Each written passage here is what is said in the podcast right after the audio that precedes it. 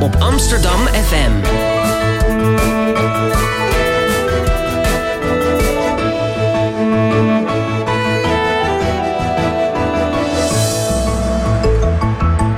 Radio Swammerdam. Welkom bij een nieuwe aflevering van Radio Zwammerdam.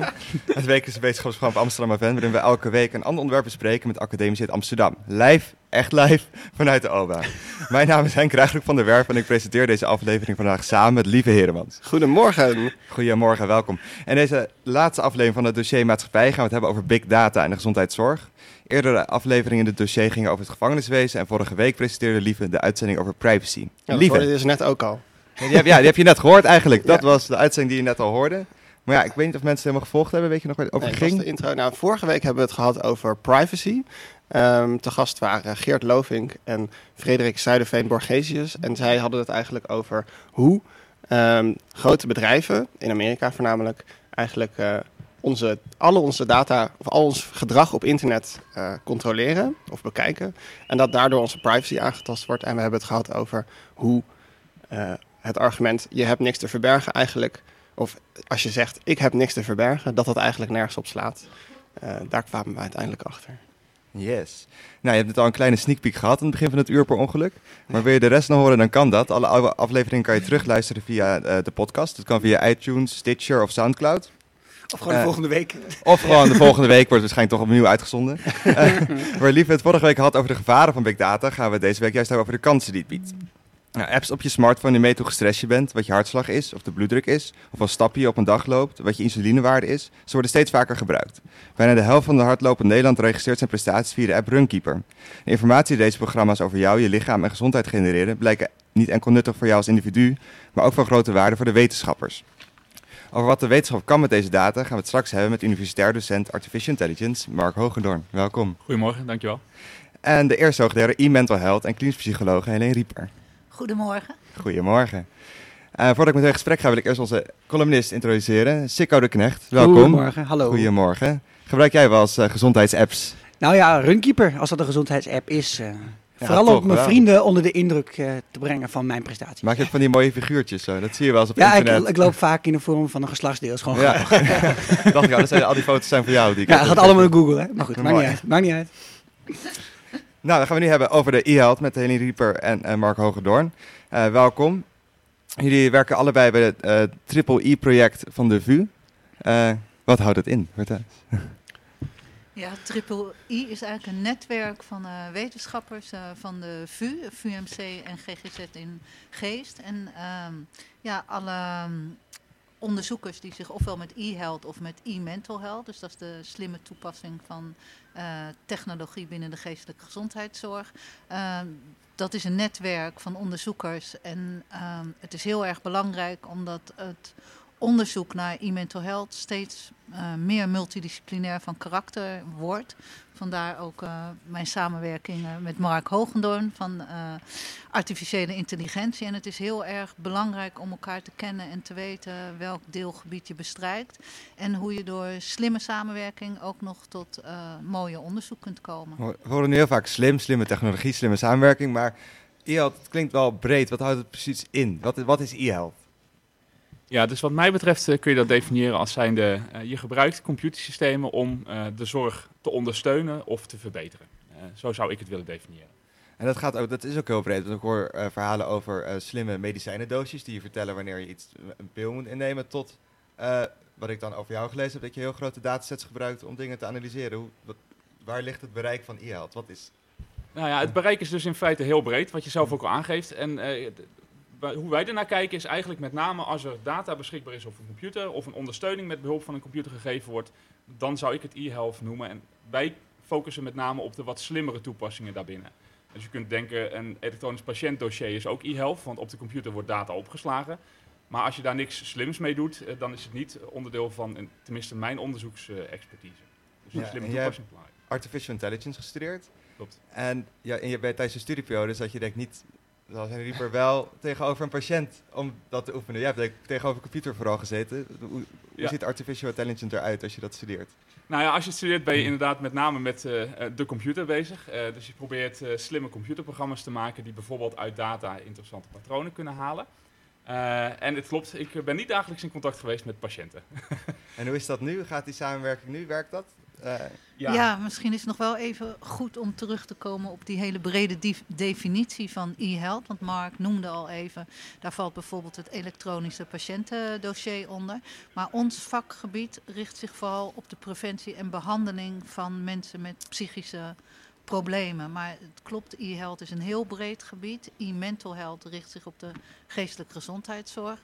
En ja, eigenlijk heb je geen aspect meer van de zorg die niet eh, iets met ICT of niet met digitalisering te maken heeft. Maar wij proberen dus vooral eh, ofwel vanuit preventief perspectief of vanuit behandelperspectief eh, patiënten deels of geheel eh, online via het web of internet of de smartphone applicaties te behandelen. Dus dat is even de afbakening.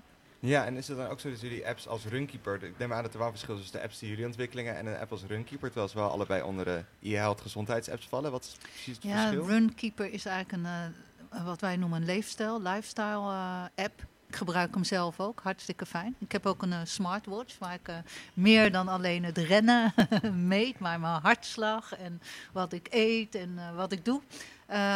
Maar eh, je hebt dus zeg maar verschil tussen lifestyle apps en, en, en apps die ontwikkeld worden eh, hè, voor specifieke psychische aandoeningen.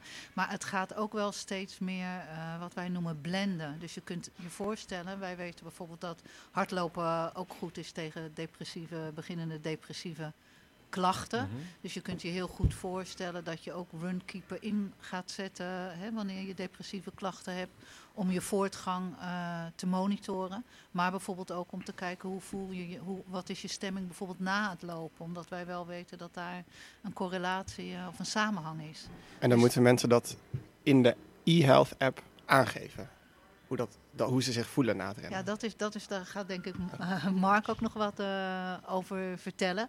Ik denk wel wat een groot verschil is tussen de apps die je nu gewoon in de Google Store of Apple Store eh, kunt kopen en de apps waar wij mee aan de slag eh, gaan. Dat wij ze niet aanbieden voordat wij echt bewezen hebben eh, via wetenschappelijk onderzoek, eh, met name gerandomiseerd gecontroleerd onderzoek, of ze ook echt effectief zijn. En dat, dat is een heel groot verschil. En daar is ook nog vanuit onderzoeksperspectief een wereld eh, te winnen. Want wat is eigenlijk het doel? Is het echt de bedoeling dat helemaal niemand meer naar de, naar de kliniek komt om behandeld te worden? Nee, nee. ehm, de wonderenwereld van het web, die is jullie waarschijnlijk allemaal bekend. Zo dus rond 2000, toen het web toegankelijk werd voor iedereen, voor burgers ook. Eh, toen dachten we nou, er zijn heel veel mensen die we eigenlijk niet bereiken met de GGZ. Of dat nou in termen van wat wij noemen psycho-educatie is. Dus dat je mensen voor gaat lichten wat is een eh, depressie of wat is een suïcide. We ging, zijn we eigenlijk de mogelijkheden gaan zien om, om, om ja, kennis eh, te verspreiden en ook meer laagdrempelige behandelingen aan te bieden.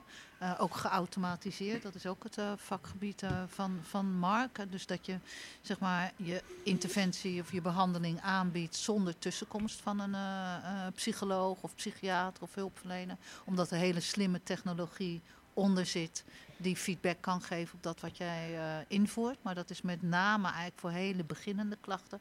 Wij denken, of ik denk persoonlijk niet dat de toekomst ligt in het geheel online eh, behandelen, maar juist in de blended vormen waarbij je face-to-face of persoonlijk contact combineert met online componenten. En Want- dat is ook met name hè, waarop wij eh, zijn gaan samenwerken. Want online kan face-to-face nooit vervangen. Denk je. Soms kan het wel vervangen, met name ook voor psycho-educatie of beginnende klachten. Er zijn ook subgroepen van patiënten die het heel fijn vinden om alleen maar online behandeld te worden. Moet je je voorstellen, dan ben je wel in contact met een psycholoog of met een psychiater of met een coach of met je huisarts. Alleen het contact is dan asynchroon.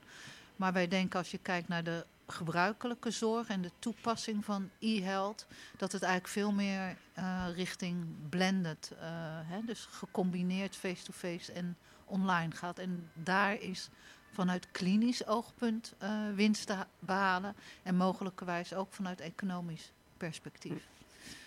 En als ik één gedachte hier mag eh, neerleggen, want ik was me natuurlijk toen ik op mijn fietsje zat een beetje aan het voorbereiden, want het is zondagochtend en eh, wat zal ik eens gaan vertellen, wat zullen ze me vragen? Ehm, kijk, toen wij in, in 2000 eh, begonnen, was het echt de wondere, wonderenwereld van het web.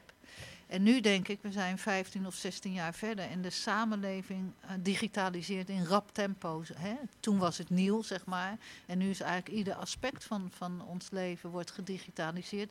En ik denk dat we een revival van het face-to-face contact gaan krijgen. Of in ieder geval eh, het belang.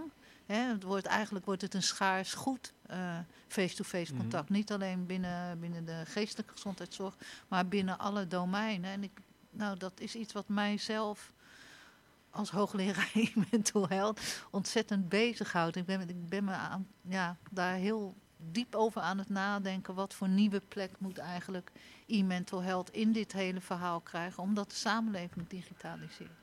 Maar dan ga je eigenlijk ook wel tegen, want eigenlijk, ik ga zo meteen ook een fragment laten horen van de minister van Volksgezondheid Edith Schippers. En zij zet juist heel erg in op de e-health. Maar ik zet ook heel erg in Ja, op, op e-health. Maar we moeten heel goed eh, nog beter onderzoeken.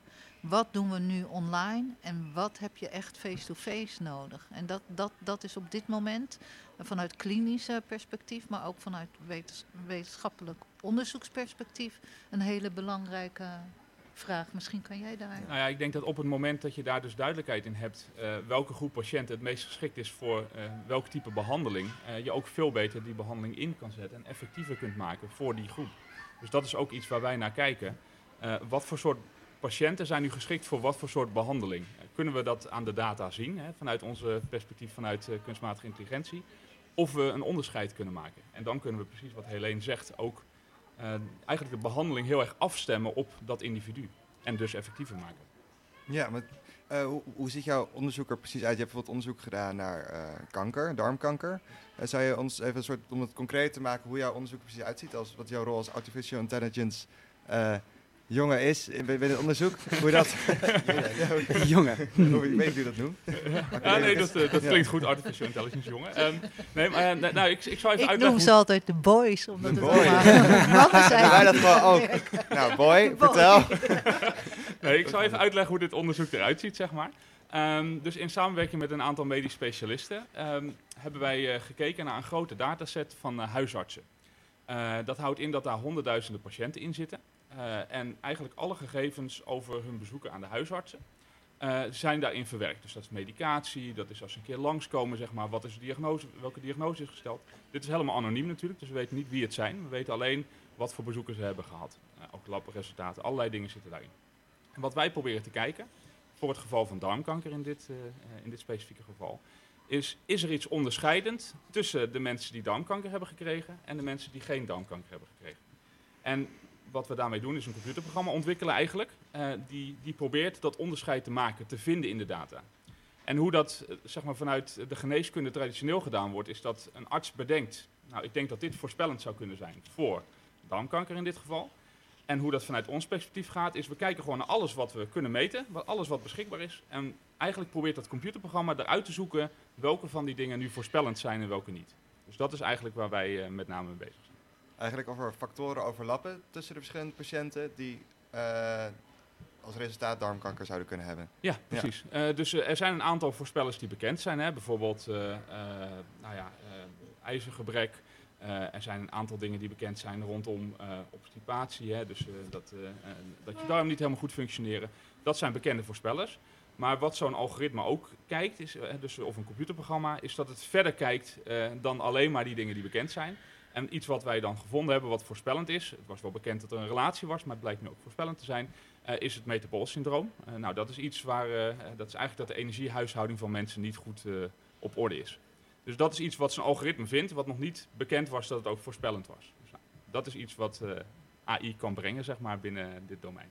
En dat zoals we net over hadden, meer de preventieve vorm van e-health. Absoluut, Dus ja. dat je eerder achter komen wanneer iemand ziek gaat worden. Ja, dus dit zou ingezet kunnen worden eh, om in een vroegtijdig stadium eh, al te signaleren dat iemand een verhoogd risico heeft op darmkanker. En daarmee ook te voorkomen dat je te laat bent, eh, waardoor iemand hele ingrijpende operaties moet hebben, bijvoorbeeld, of een, een lagere overlevingskans heeft.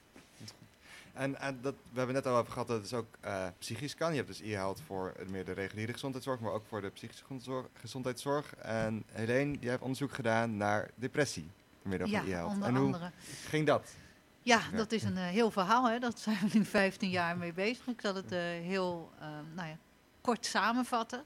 Eh, eigenlijk tot voor onze samenwerking met de afdeling artificiële intelligentie, dat is nu zo'n vier, vijf jaar geleden, was het onderzoek vooral gericht. eh, wij hebben ons niet alleen de interventies ontwikkeld, hè, want je moet ze ook aanbieden. Er komt ook heel veel gebruik van tegenwoordig met multimedia en audiovisuele ondersteuning, omdat dat allemaal kan.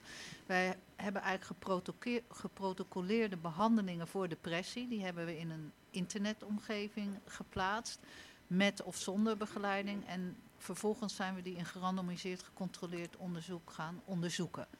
En daar komt uit dat eh, die behandelingen zeg maar, effectief zijn in vergelijking met niet interveneren, dus met niets doen. Ehm, en daarbij geldt dat als je behandelingen onbegeleid aanbiedt, dus dat mensen geen interactie met een hulpverlener hebben, die zijn minder effectief dan wanneer je wel een vorm van hulp eh, biedt. Maar dan zijn de kosten ook hoger. Het tweede wat we onderzocht hebben en waar we nu steeds meer kennis over krijgen, is dat hoe doen die behandelingen het nu? Niet wanneer je ze vergelijkt met niet interveneren, maar hoe doen ze het wanneer je het vergelijkt met bijvoorbeeld face-to-face behandelingen. Nou, daar komt nu ook steeds meer resultaten dat ze het net zo goed kunnen doen. Hè? Dus dat je depressieve klachten ofwel verminderen, of wanneer je preventief meer aan de slag gaat, dat je een ernstige vorm, een klinische vorm van depressie kunt voorkomen. Die onderzoeksresultaten zijn allemaal gebaseerd op groepsvergelijkingen. Dus je vergelijkt op groepsniveau. De een krijgt de interventie, de ander niet. We weten eigenlijk niet, hè, we weten aan de effectmaat, dus aan de impact, dat het niet voor iedereen geschikt is. Maar voor wie het nu precies wel of niet geschikt is, dat laten dit soort type dat dit soort type onderzoek niet zien. En we zijn nu juist heel erg op zoek. Hè. Kunnen wij nou inderdaad gaan voorspellen of een behandeling aanslaat of niet? En voor welke groep zou dat al of niet kunnen? En daar heb je eigenlijk veel ingewikkelder statistische eh, modellen En voor daar nodig. komt Mark dan weer om de En kijken, of niet? Precies, Ja. zeker. Dus dat, dat is iets wat wij binnen het, Ja. onze samenwerking, eh, hè, dus met de afdeling klinische psychologie, eh, binnen het e-compare project onder andere aan werken.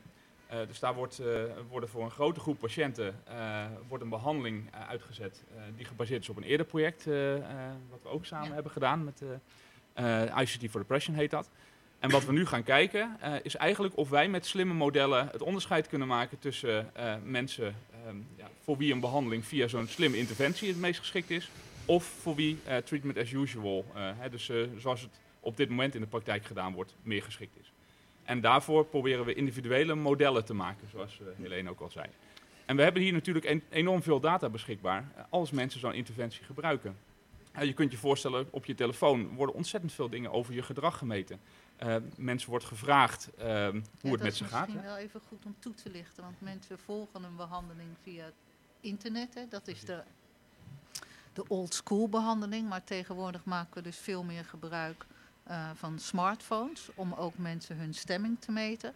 En wat nieuw daaraan is, eh, normaal zeg maar, eh, vraagt een psycholoog of een huisarts of wie dan ook retrospectief naar je stemming. Dus je komt in de spreekkamer en er wordt gevraagd, nou hoe voelde je de afgelopen twee weken of drie weken of een maand? En dat is een indicatie om te kijken, heb je een depressie bijvoorbeeld of een, een alcoholprobleem, afhankelijk van wat je wilt onderzoeken. En wat nu zo interessant is met die apps, is dat we eh, mensen niet meer alleen retrospectief kunnen ondervragen op hun stemming, maar we, we Kunnen real-time meekijken. Real-time vragen we vijf keer per dag of vier keer per dag naar mensen hun stemming. En dat geeft een heel ander beeld eigenlijk van het beloop van een depressie. Voor het eerst krijgen we een, ja, eigenlijk een real-time idee op basis van veel meer metingen. En niet alleen maar in de spreekkamer, maar ook hè, hoe mensen zich gedragen. Want eh, je meet eigenlijk in hun wat wij noemen natuurlijke habitat. En dat levert eh, daarnaast ook, omdat die smartphone veel meer eh, meet dan hè, alleen bewust dat je antwoord geeft op de vraag hoe voel je of hoe heb je geslapen. Die meet ook een aantal andere zaken waar je helemaal geen antwoord op hoeft te geven. Zoals bijvoorbeeld uh, nou, je GPS-locatie, je aantal uh, stappen. Uh, er zijn heel veel, ja, wat wij unobtrusive meten noemen. Even een hele banale ja. vraag hoor, maar als je een depressief iemand vier keer per dag vraagt hoe gaat het, krijg je dan gewoon niet vier keer terug slecht. Uh, Wat is het beloop dan precies? Hoe werkt dat? Ja, dat, dat is een hele, hele goede vraag. Uh, het is, als je mensen, dat is juist het specifieke eraan. Als je dus retrospectief vraagt, dan moeten mensen een soort globaal gemiddeld mhm. idee geven. Maar nu blijkt, en dat is per patiënt, uh, heel, kan dat heel verschillend zijn, dat bijvoorbeeld sommige mensen ochtends juist uh, zich slecht voelen. Want ah, okay, we vragen, meet je, hè, geef je een, een cijfer voor je stemming van 1 tot 10.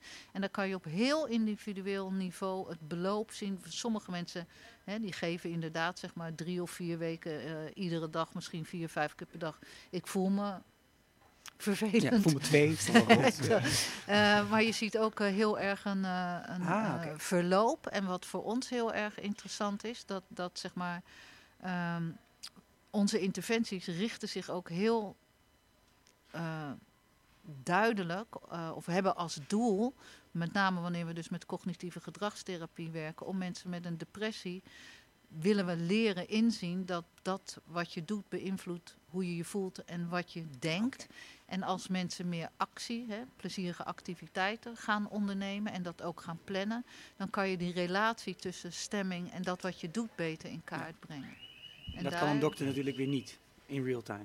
Niet in real time. Maar het knappe wat, waar wij ook mee bezig zijn, ook met het e-compared project, is dat ook behandelaren, hè, als jij zoveel metingen per dag doet, een, een huisarts of wie dan ook zeg maar, op dat moment in, in dit geval nog bij het onderzoek betrokken is als behandelaar, die kan dat ook volgen. Omdat er een hele backbone, uh, back-office achter zit. Dus die kan bijna ook dagelijks, hè, als je dat zou willen, het beloop van zo'n depressie per individuele patiënt gaan volgen. We hebben nu denk ik wel ongeveer duidelijk wat ja. e-health eigenlijk is. Dan gaan we nu even alle informatie verwerken tijdens een nummertje van mensen die eigenlijk ook misschien wel wat e-health hadden kunnen gebruiken ja. op het gebied van mentale zorg. okay. Cypress Hill met Insane in the Brain. Oké. Okay. Crazy with this Don't you know I'm loco? loco.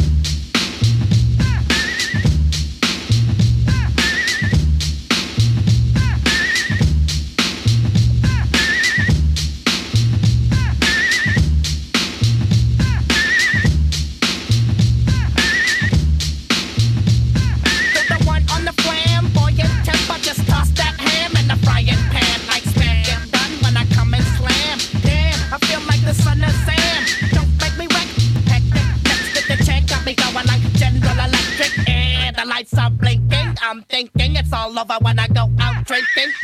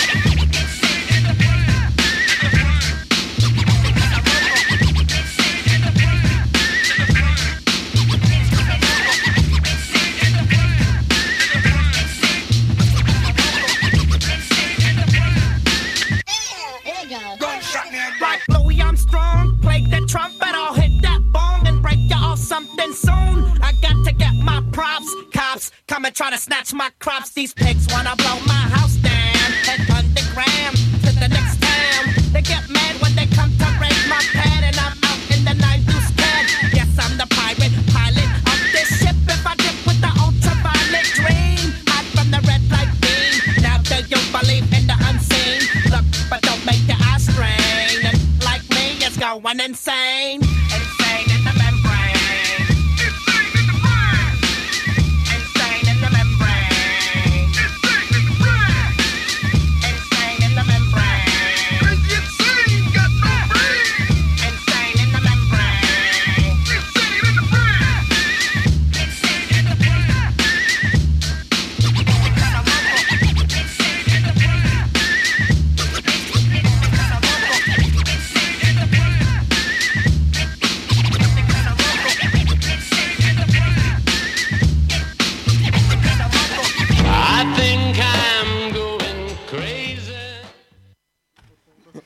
Welkom terug bij Radio Zwammerdam. Dat was Cypress Hill.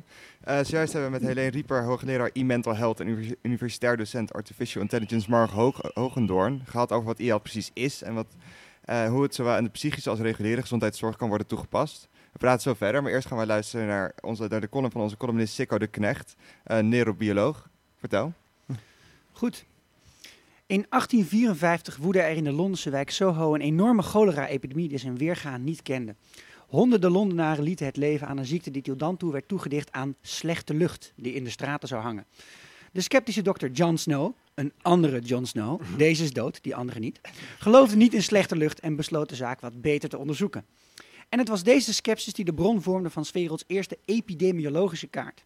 Dat betekende, met stipjes tekende Dr. Snow de ziektegevallen uit op een landkaart van Londen en dat leidde hem naar de bron van de cholera. Een waterkraan op de kruising van Broad Street en Cambridge Street.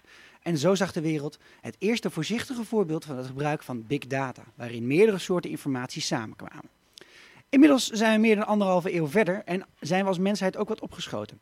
Het is dan ook tijd voor de eeuw van de big data. In deze eeuw gaan er allerlei deuren open, naar plekken die we nog nooit eerder hebben bezocht. De levensstandaard van elke mens op aarde zal erop vooruit gaan, omdat we inzicht krijgen in hoe de krachten van de natuur hun uitwerking hebben op de mensheid. We kunnen epidemieën sneller opsporen en indammen, nog voordat ze een gevaar vormen. In de medische wereld worden er dan ook gouden bergen beloofd voor het verbeteren van behandelingen. Het in kaart brengen van interacties tussen medicijnen en het vinden van verbanden tussen ziekten die ogenschijnlijk weinig met elkaar te maken hebben. En dat is een ontwikkeling die iedereen wel moet aanmoedigen. Alles wat de gezondheid van de mens verbetert, moet wel goed zijn voor de mensheid. Maar wat is big data nou helemaal? Als je het van als een franje omdoet, dan is big data niets meer dan een mooie benaming voor een ambtenaar achter een computer met een opgevoerde versie van Excel voor zijn neus. Een database met daarin onnoemelijk veel informatie die op allerlei manieren aan elkaar gekoppeld is. Informatie waar ons leven en onze ziekte en gezondheid in opgeslagen staan. En deze informatie is goud geld waard. Niet omdat, niet omdat het altijd per se waarde heeft, maar wel potentiële waarde. Bedrijven zoals Philips begrijpen dit en hebben daarom grootse plannen om de data die ze halen uit de apparaten die ze verkopen aan ziekenhuizen en huisartsenposten op te slaan en op een slimme manier samen te brengen. Natuurlijk om hun eigen apparatuur mee te verbeteren, maar ook om, wanneer de tijd er rijp voor is, te kunnen verkopen aan zorgverzekeraars, diezelfde ziekenhuizen en in zekere zin dus ook weer aan patiënten. En dat is toch wel een hele interessante ontwikkeling. De laatste jaren beginnen we te wennen aan hoe het is als grote bedrijven grote hoeveelheden informatie over je vergaren. Je krijgt ineens hele typische producten aangeboden op Twitter. Google verklapt jou aanstaande dat je naar verlovingsringen hebt gezocht. En Facebook brengt je in contact met een bedrijf dat precies de stoel zoekt en verkoopt die jij zoekt. En dit is ook wat ons te wachten staat wanneer big data zijn vlucht neemt in de zorg. Want dan krijgen we straks bij het afsluiten van een zorgverzekering een aanbieding voor een total body check-up, omdat je geen aanvullend pakket hebt gekozen. Of reclame voor een genetische test voor borstkanker, omdat je op sociale media hebt aangegeven wie je biologische ouders zijn en Facebook zag dat je moeder ziek is. Gaat de maker van een hersenscanner misschien ook bijhouden wat de levensverwachting is van een 40-jarige met een hersenbloeding en deze informatie doorverkopen aan de eerste de beste pillenboer die genoeg biedt? Want als dit zo is, en het is geen ondenkbaar scenario, dan hebben we nog wel een hard, harder woordje met elkaar te wisselen. Niet omdat er ook maar de kleinste kans is dat we deze ontwikkeling kunnen tegenhouden, maar dat we dan, omdat we dan in een nieuwe ethische realiteit komen waar private en publieke partijen elkaar moeten gaan vinden. Want mogen bedrijven eigenlijk wel zomaar de boer op met deze informatie? Kijk, het is dan wel vaak geanonimiseerde informatie, maar het is en blijft informatie van de patiënten. Alleen maar omdat niet elk individu terug te vinden is in het systeem, betekent dat nog niet dat deze informatie niet meer van ons allemaal is. Informatie die in ons voordeel en dan in ons nadeel gebruikt kan worden. Misschien kunnen we dus een deal sluiten waar we allemaal beter van worden. Want we hebben wat gezondheidszorg betreft wel een aantal vraagstukken openstaan. Met name over hoe we deze kunnen blijven betalen in de toekomst. De verbeteringen die voortkomen uit het slim gebruik van big data zouden bijvoorbeeld direct ter beschikking gesteld kunnen worden aan de samenleving. Verbeterde combinaties van geneesmiddelen betekenen dus goedkopere medicijnen. Behandelingen die overbodig lijken leveren korting op voor de verzekering en deze kun je gewoon doorberekenen aan een patiënt. Apps die op je telefoon je hartslag bijhouden voor een onderzoeksbureau zijn goed voor een paar extra minuten aandacht van de huisarts. Want ook al begrijpt lang niet iedereen precies wat big data is, begint iedereen wel door te krijgen dat deze informatie wat waard is. Wat ook iedereen kan begrijpen is dat wij met z'n allen deze informatie aanleveren en dat we er ook wat voor terug mogen verwachten. Want, kort gezegd, voor wat hoort wat. Heel goed punt dat je opbrengt, Sikko. Echt heel knap. Het is een pak van mijn hart. En ik wil eigenlijk, eh, want we hebben het vorige week natuurlijk ook gehad over privacy. Ik wil eigenlijk aan onze gasten vragen. Vorige week zei Geert Lovink eh, die, dat, dat het internet gratis is en dat alle social media gratis is. Dat hebben de gebruikers niet bedacht. En dat hebben die bedrijven bedacht om advertenties te kunnen verkopen. En mijn vraag is nu eigenlijk, hebben de patiënten ooit gevraagd om e-health? Ja, daar hebben ze om gevraagd. Eh, zoals ik aan het begin ehm, eh, al vertelde, eh, gaat de ontwikkeling van e-health terug eigenlijk tot nog ver voordat het web beschikbaar werd voor alle burgers. Eh, ik heb er zelf altijd een mooi eh, voorbeeld eh, van. Daar heeft trouwens Geert Loving ook nog aan meegewerkt. Eind jaren tachtig was de HIV- en AIDS-epidemie op zijn hoogst eigenlijk. Nog heel weinig kennis was er beschikbaar in, in, in Europese landen. En eigenlijk hier in Amsterdam, onder andere ook met Geert Loving, zijn we toen informatie die in, in Amerika al veel verder ontwikkeld was. misschien deels op een illegale manier, middels het surfnetwerk van de UvA, eh, als ik het goed heb, over gaan pompen. En toen zagen wij al, en toen had, was nog niet, eh, werkten we nog met bulletin boards, maar toen zagen we wat er dus maatschappelijk mogelijk is als je informatie gaat ontsluiten voor grote groepen patiënten die daar eh, zelf niet automatisch bij kunnen, kunnen komen. En dat, dat heeft toen echt een hele ontwikkeling op gang gebracht en ook eigenlijk mijn eigen inzicht dat het, eh, ehm, het web of, of hè, op die manier, als je op die manier kennis kunt ontsluiten, ook voor patiëntengroepen eh, en eigenlijk voor alle burgers een eh, ontzettend groot goed is. Maar dat betekent niet, en dat vond ik mooi aan jouw column, dat everything goes. En ik denk de ontwikkelingen gaan ontzettend snel. Ik denk ook dat je die niet meer tegen kunt houden. Ik vind ook niet dat je ze tegen moet houden. Maar wij moeten vanuit een ander paradigma eh, hè, gaan kijken. Kijk, we hebben het, het, het paradigma van de privacy. Eh, dat, dat is heel erg belangrijk, maar we moeten veel meer nadenken over eigenaarschap eh, van data. En daar ligt volgens mij ook de toekomst in. Dat je gaat kijken wie zijn nu eigenlijk de eigenaren van die big data. En zou je patiënten niet veel meer eigenaarschap kunnen geven, waardoor niet alleen bedrijven eh, kunnen verdienen zeg maar, aan die data, maar dat je eigenlijk voor patiënten zelf en voor onderzoek eh, geld kunt verdienen. En daar zijn wel wat initiatieven. Nou, het, is, het is heel gaande. apart dat voor, voor, voor fase 3 studies, bijvoorbeeld, of fase 2 studies, waarin mensen medicijnen testen. En dan krijgen ze een zetpil in een hol gedrukt. Dan zeggen ze: Oké, dat is goed, maar dan moet je me wel 250 euro geven. En met dit soort informatie, daar kunnen heel veel bedrijven en ook zorginstellingen kunnen daar heel erg veel mee doen.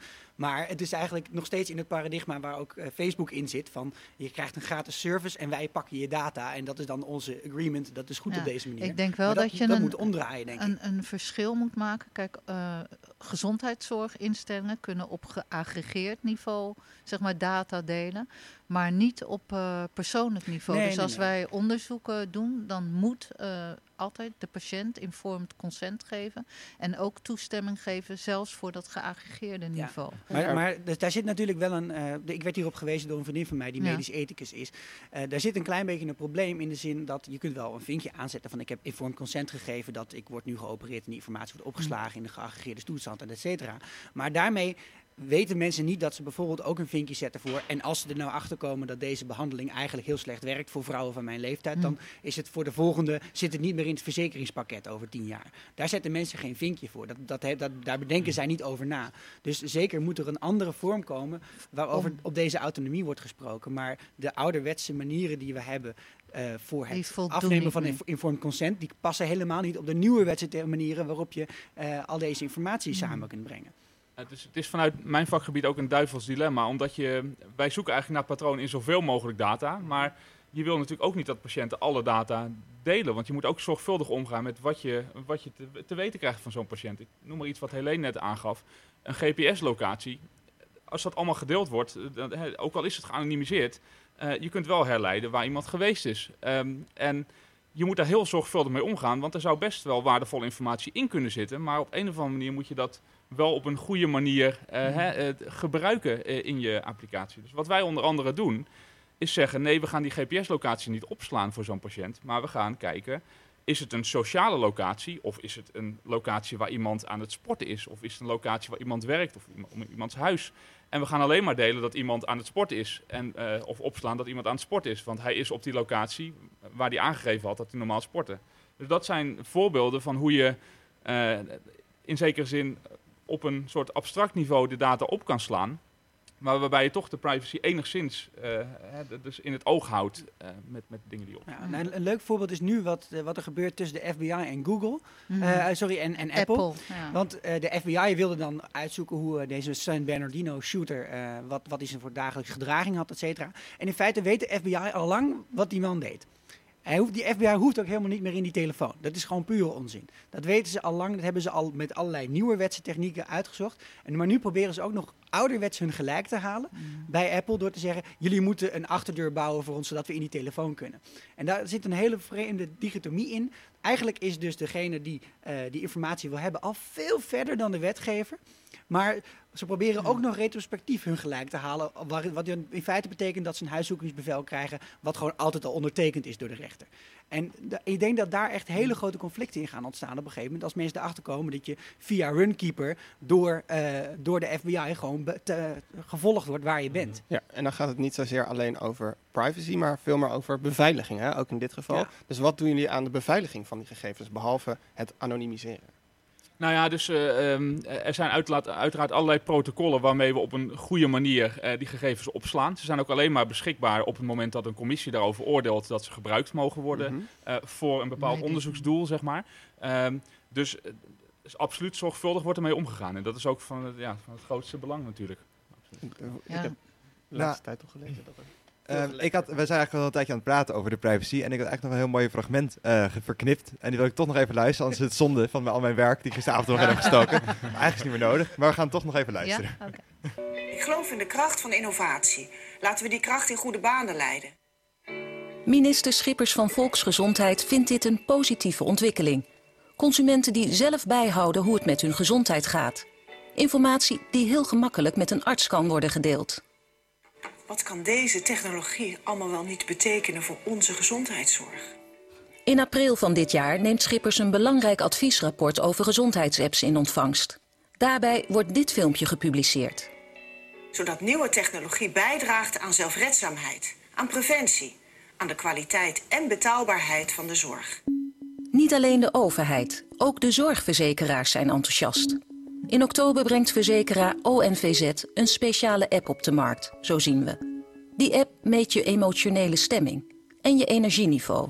Die Energy App, het woord zegt het al, die meet je energie. En dat is belangrijk zodat je op ieder moment van de dag inzicht hebt in hoe je ervoor staat en hoe je prestaties zijn. Die informatie wordt ook opgeslagen door de verzekeraar, lezen we in de privacyverklaring bij de app. ONVZ zegt de data niet te koppelen aan persoonsgegevens van de gebruikers. Ik denk dat er twee manieren zijn waarop verzekeraars eh, met die data nuttige dingen kunnen doen. Eh, als je het nog niet aan personen koppelt, dan is het natuurlijk interessante informatie voor trends en dergelijke. Ehm, op het moment dat je het wel aan personen koppelt, dan kun je veel beter je risico-inschattingen maken. En eh, in sommige gevallen kun je premiestellingen gaan aanpassen. Dat was eh, Sander Klaus, hoorden jullie op het laatste. Dat is eh, hoogleraar Big Data Ecosystems aan de UvA. Hij was vorig jaar ook hier te gast in het radioprogramma over de vraag... zijn wij Big Data? Ehm, en ik las een artikel, tenminste Henk stuurde mij dat eh, heel aardig op. En daarin stond dat, omdat die informatie zo waardevol is... is vooral ook de VU, toevallig het medisch centrum... heel erg bovengemiddeld vaak slachtoffer van cyberaanvallen. Ehm, hebben jullie daarmee te, te maken gehad? Eh, persoonlijk, ik zit bij de, dus wij zitten bij de Vrije Universiteit, niet bij het, eh, het, het ziekenhuis zelf. Eh, Mhm. Heb ik er niet mee te maken gehad. En ik eh, moet zeggen dat ik ook niet exact weet wat voor cyberaanvallen dat geweest zijn. Mhm. Ehm, in ieder geval mijn ervaring met... eh, eh, ik heb ook wat data van huisartsen vanuit het VU Medisch Centrum eh, gebruikt. Mijn ervaring was dat ze daar erg zorgvuldig mee omgingen. Maar Mhm. dat, meer dan dat kan ik, kan ik eigenlijk niet over zeggen. Want een creditcardnummer kost online ongeveer 1 dollar. Op de, op de deep darknet heet dat dan. En een medisch patiëntendossier gaat voor 50 dollar over de, over de toonbank. Dus je zit eigenlijk op heel veel big data. Big money is het eigenlijk. Ja. Ehm, Ja, ja, het gaat Ja, van dat wij natuurlijk helemaal ik niet van de overdag jullie nou heel veel geld hebben en expres zeg maar, die gegevens heel eh, open en bloot laten liggen. Maar ik ben wel benieuwd naar of jullie er bewust van zijn hoeveel eh waard is, wat, wat, een grote zwarte markt erachter zit. En of, daar, of jullie actief bezig zijn met dat beveiligen of daar bewust van zijn. Nee, zeg maar, wij zijn wel heel duidelijk bezig met de eh, medisch-ethische componenten van het onderzoek. Hè. Wij zijn, eh, we zijn natuurlijk ook, en ik vond het in die column heel mooi verwoord, en jij noemt het duivels dilemma. We moeten op een nieuwe manier met data omgaan. En dat geldt niet alleen zeg maar, voor de gezondheidszorgdata. Als mensen op Facebook eh, met elkaar communiceren en je ziet wat daar allemaal aan commercies en wat er gebeurt. Maar het is een nieuwe wereld en we moeten zeg maar mensen ehm, voorlichten. Mensen moeten zich veel meer bewust worden, maar we moeten ook naar nieuwe vormen van samenwerken. eh, samenwerken. En ik vind nog steeds een heel mooi eh, voorbeeld van Patients Like Me. eh, dat is een initiatief, wel in Amerika. En daar is de zorg heel anders. En ik ben een grote voorstander van dat we zeg maar, ons solidariteitsprincipe voor zorg en zorgverzekeringen hoog in het vaandel houden. Dat is voor mij veel belangrijker dan al het andere.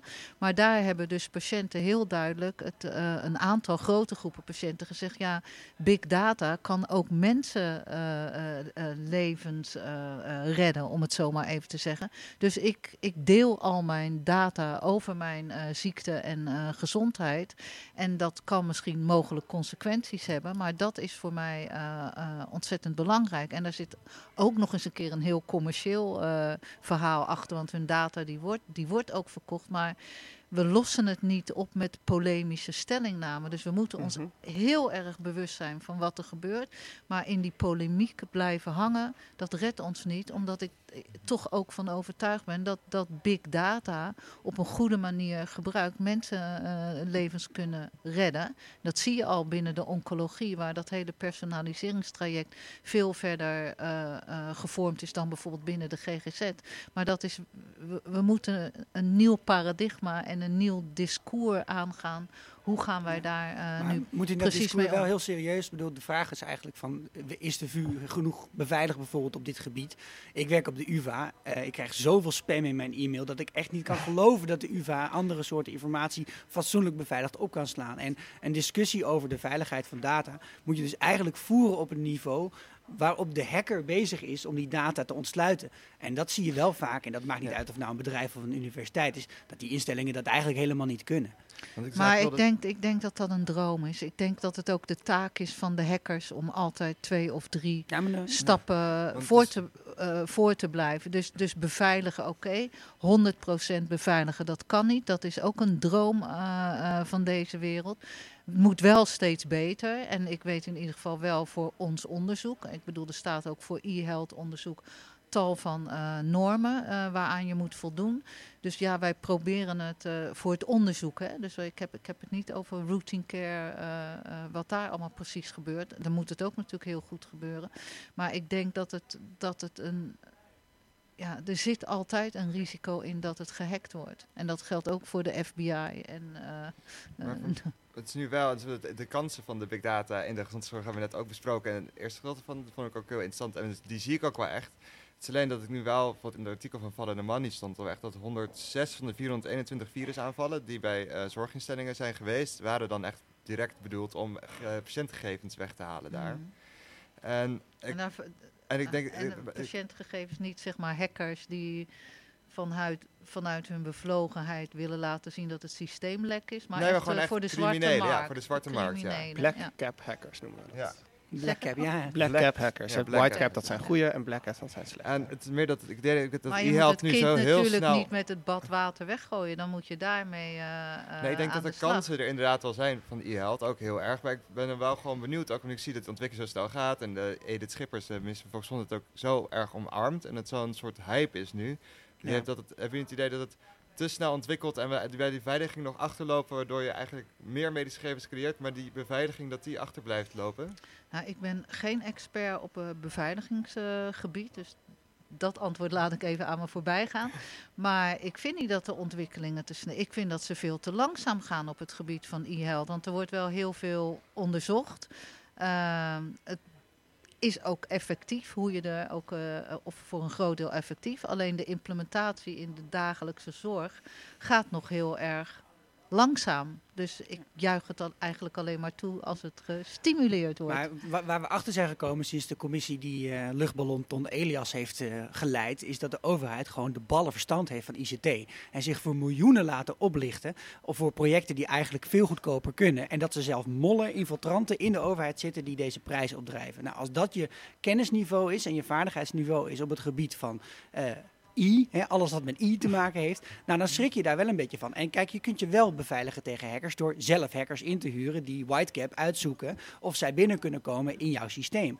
Alleen wat je in heel veel van dit soort situaties ziet, is dat instellingen eh, en dus ook de overheid, bedoel, het, zelfs DigiD is al een keer gehackt. Bedoel, als je nou toch één ding had wat niet gehackt mocht worden, was het dat. Dat wij die, die, die mogelijkheid niet hebben. En dat die mensen niet in dienst zijn bij de overheid. En dat die kennis en de expertise niet aanwezig zijn. En dat is volgens mij iets waar mensen zich een beetje zorgen, of steeds meer zorgen over maken. Die denken van ja, ik geef jou wel allemaal willingly al deze informatie. Ik moet wel een elektronisch patiëntendossier in. Ik mag zelfs alleen maar uitschrijven als ik daarvoor betaal. Maar de, jij bent degene die hier de rentmeester is, die voor, ervoor moet zorgen dat het allemaal goed komt. En daar kun je niet van uitgaan. Ik denk dat daar volgens mij een hele grote frustratie ligt. En dat is de, zeg maar, de volwassenheid van het debat moet je op een gegeven moment bereiken. Dat Ja, iemand daarop dat is- dat- aanspreekt. dat- Nou, ik denk, ik denk dat het ook van belang is. Kijk, als ieder ziekenhuis of iedere instelling eh, hè, zijn eigen beleid heeft in deze richting, is het natuurlijk heel erg lastig, eh, omdat niet iedereen die expertise kan hebben. Dus ik kan me voorstellen, als je dat hè, wat groter aanpakt, zeg maar, en dat op een betere manier op kan zetten, dan kun je juist wel die experts, hè, dus als je dat... ehm, ik weet nu dat het VUMC en het AMC samen eh, een manier Epic, van elektronisch patiënt, Epic, een, ja. een systeem hebben voor een elektronisch patiëntdossier. Uh, als, je, als je dat groter aanpakt, dan kun je ook zorgen dat, dat dit soort dingen beter gewaarborgd zijn, denk ik. Hè? Dat in plaats van een kleine instelling met misschien maar een, een paar honderd bedden, bij wijze van spreken, eh, is misschien niet in staat om dat op een goede manier vorm te geven, zo'n beveiliging. Dus ik denk dat dat ook maar belangrijk het, is. het wordt dus niet alleen vormgegeven vanuit de technologie of het niet beveiligd zijn. Zeg maar, hè, maar ik bedoel, ik ben het helemaal met je eens. Maar ik denk waar het debat veel meer over moet gaan, zijn wij als eh, Nederlandse samenleving. Hoe staan we tegenover het solidariteitsprincipe van de gezondheidszorg? Want die kennis gaat voort. En stel, we kunnen veel beter eh, voorspellen. Dan denk ik, ja, als je beter kunt voorspellen, moet er goede zorg en opvang eh, eh, zijn voor mensen, hè, voor patiënten, als je daar uitsluitsel over doet. Maar daar begint het voor, voor mij bij. Dat wij zeggen, wij zijn een samenleving en goede gezondheidszorg moet toegankelijk zijn eh, voor iedereen, ongeacht zeg maar, hè, wa- wat je hebt. Je moet je kunnen verzekeren. Nou gaat het er natuurlijk wel ook richting dat, dat zeg maar leefstijlfactoren misschien een steeds belangrijke rol gaan vormen. En je kunt niet alleen zeggen, oké, je krijgt alle zorg. Want ik vind ook dat je burgers best mag onderrichten of wijzen op je, de eigen verantwoordelijkheid die je ook hebt eh, eh, voor je gezondheid. Dus ja, ik, ik vind die inhoudelijke aspecten moet je koppelen eh, ook aan, aan de technologische ontwikkelingen. Want anders wordt het een loos debat, in mijn ogen. En maar we horen dus eigenlijk, het is iets wat we niet kunnen tegenhouden. Tenminste, dat hoorde ik u net zeggen. Maar wat gaat het ons dan nog brengen? Wat los is van de toekomst van de e-health? Hoe gaat het eruit zien? Wat is jullie toekomstvisie? Nou ja, ik, denk, ik wil eigenlijk eindigen met, met waar, ik, eh, waar ik mee eh, begon. Dat, dat de hele samenleving digitaliseert. En ik denk dat we heel goed moeten gaan kijken waar e-health... wat moet je face-to-face doen? Waar zit de kwaliteit eh, en de winst? eh, wat je zeg maar, daadwerkelijk eh, in contact met je hulpverlener, met je arts kan doen. Wat kan eh, digitaal en wat levert dat aan winst op voor zowel eh, patiënt als eh, de zorg? En ik denk dus dat je ehm, door al die big data heel erg in staat bent om ook veel meer richting de preventieve kant te gaan zitten. Omdat je veel eerder ook kunt signaleren dat mensen eh, potentieel een probleem hebben. En daarnaast dat, dat behandelingen veel Ja, meer gepersonaliseerd dan, kunnen worden. ja, en daar moet je dan wel voor zorgen. Kijk, het voorspellen is één. Maar als je voorspelt en je hebt geen hulpaanbod of, Tuurlijk. of goede ondersteuning voorhanden, dan levert dat voorspellen natuurlijk ook eh, niets op. Maar als je inderdaad, als je ziet wat, wat depressies of wat, of wat, wat kanker, kankers hè, eh, voor impact op het leven van mensen hebben. En als je daar zeg maar door middel van big data of betere behandelingen eh, eh, op kunt baseren of zelf zeg maar eh, dit soort aandoeningen kunt voorkomen, dan is dat een groot goed. Ja, ik had van de week nog iets bedacht. Wat echt volgens mij wel kan, zou kunnen helpen. Ja. En dat is, dan gaat weer terug naar Jon Snow. Ja. Maar dan, eh, dan wat moderner dan dat. Eh, ik ben namelijk net ziek geweest, vandaar mijn stem niet helemaal op- boven op, op par is, zeg maar. Veel griep heerst er op dit moment. En wat ik zat te denken, kun je niet gewoon geanonimiseerd, hè, geanonimiseerd kijken waar griep-hotspots zitten op mensen hun werkplek? En dan op dat moment dus zeggen, oké, vandaag is dus gewoon het gebouw dicht. Want er zijn te veel mensen die griep hebben. Je mag gewoon niet meer naar je werk komen, want het gaat economisch zo slecht uitpakken voor Nederland. dat je het beter niet kunt doen. Het is gewoon een supermooie smoes om niet naar je Ja, werk er te is gaan. al wel een Vrij, laat wel sneeuwvrij. griepmonitor, Ja, die Google is er al was wel. dat volgens mij, Ja, maar die is volgens mij gestopt nu, omdat ze daar niet eh, accuraat genoeg een voorspelling Voor mee konden voorspelling doen. Ja. konden. Ja, dus Ja. het is... eh, Ik dacht dat ik een mooie smoes had Het is gevonden. gewoon predictive policing, maar dan voor gezondheidszorg. Ja. Dus eigenlijk, uit de, de toekomst van e-health is dat we eerder kunnen zien wanneer iets ziek wordt. eh, een ziekte zich verspreidt, dus preventief bezig kunnen zijn. Mensen kunnen beter kunnen behandelen als, als ze ziek worden. En dan in het eindtraject dat, ze, dat er gewoon minder ziektes zijn in Nederland. Ik word En zorgen dat de eh, zorg toegankelijk blijft voor een zo groot, groep het mensen mogelijk. solidariteitsbeginsel niet verloren gaat. Nou ja, dat is iets wat je op een ander niveau eh, ja, moet bediscussiëren. Maar ik denk, ik wil deze discussie wel ook in dat licht zien. Ja, misschien kunnen we volgend jaar in het volgende dossier maatschappij gaan praten over solidariteitsbeginsel in de verzekering. Want die vind ik heel erg leuk. Ik moet er gaan afronden, ik hoor de eindtune al een tijdje lopen. Eh, ja, bedankt voor het komen, jullie allebei. Dank Eh, voor de en Helene Rieper van de VU, het Triple E-project. Eh, bedankt eh, Lieve, mijn co-host van vandaag. En bedankt Sikko, de columnist. Graag gedaan. Vandaag. Later kunt u deze uitzending terugluisteren op Soundcloud. En volgende week presenteert Elmer in het nieuwe dossier eh Swammerdam Goes Green iets over ecocide, de grootschalige vernietiging van ecosystemen. En als u het nou eens of oneens was met wat er vandaag aan tafel is gezegd, mail dan vooral naar radioswammerdam.gmail.com. Yes. En dan wensen we u nog een hele fijne zondag. Een hele fijne zondag. En kan is de uitzending van vandaag. de valreep nog zeggen dat we de voorgaande afleveringen die we over e-health hebben gedaan, nou het lijkt er een beetje op, zijn zorgen over zorgrobots, zijn wij big data, achter de schermen van Google, dat gaat over algoritmes en wat gebeurt er achter de tralies en wat heb je nog te verbergen vorige week dus. Dank u wel.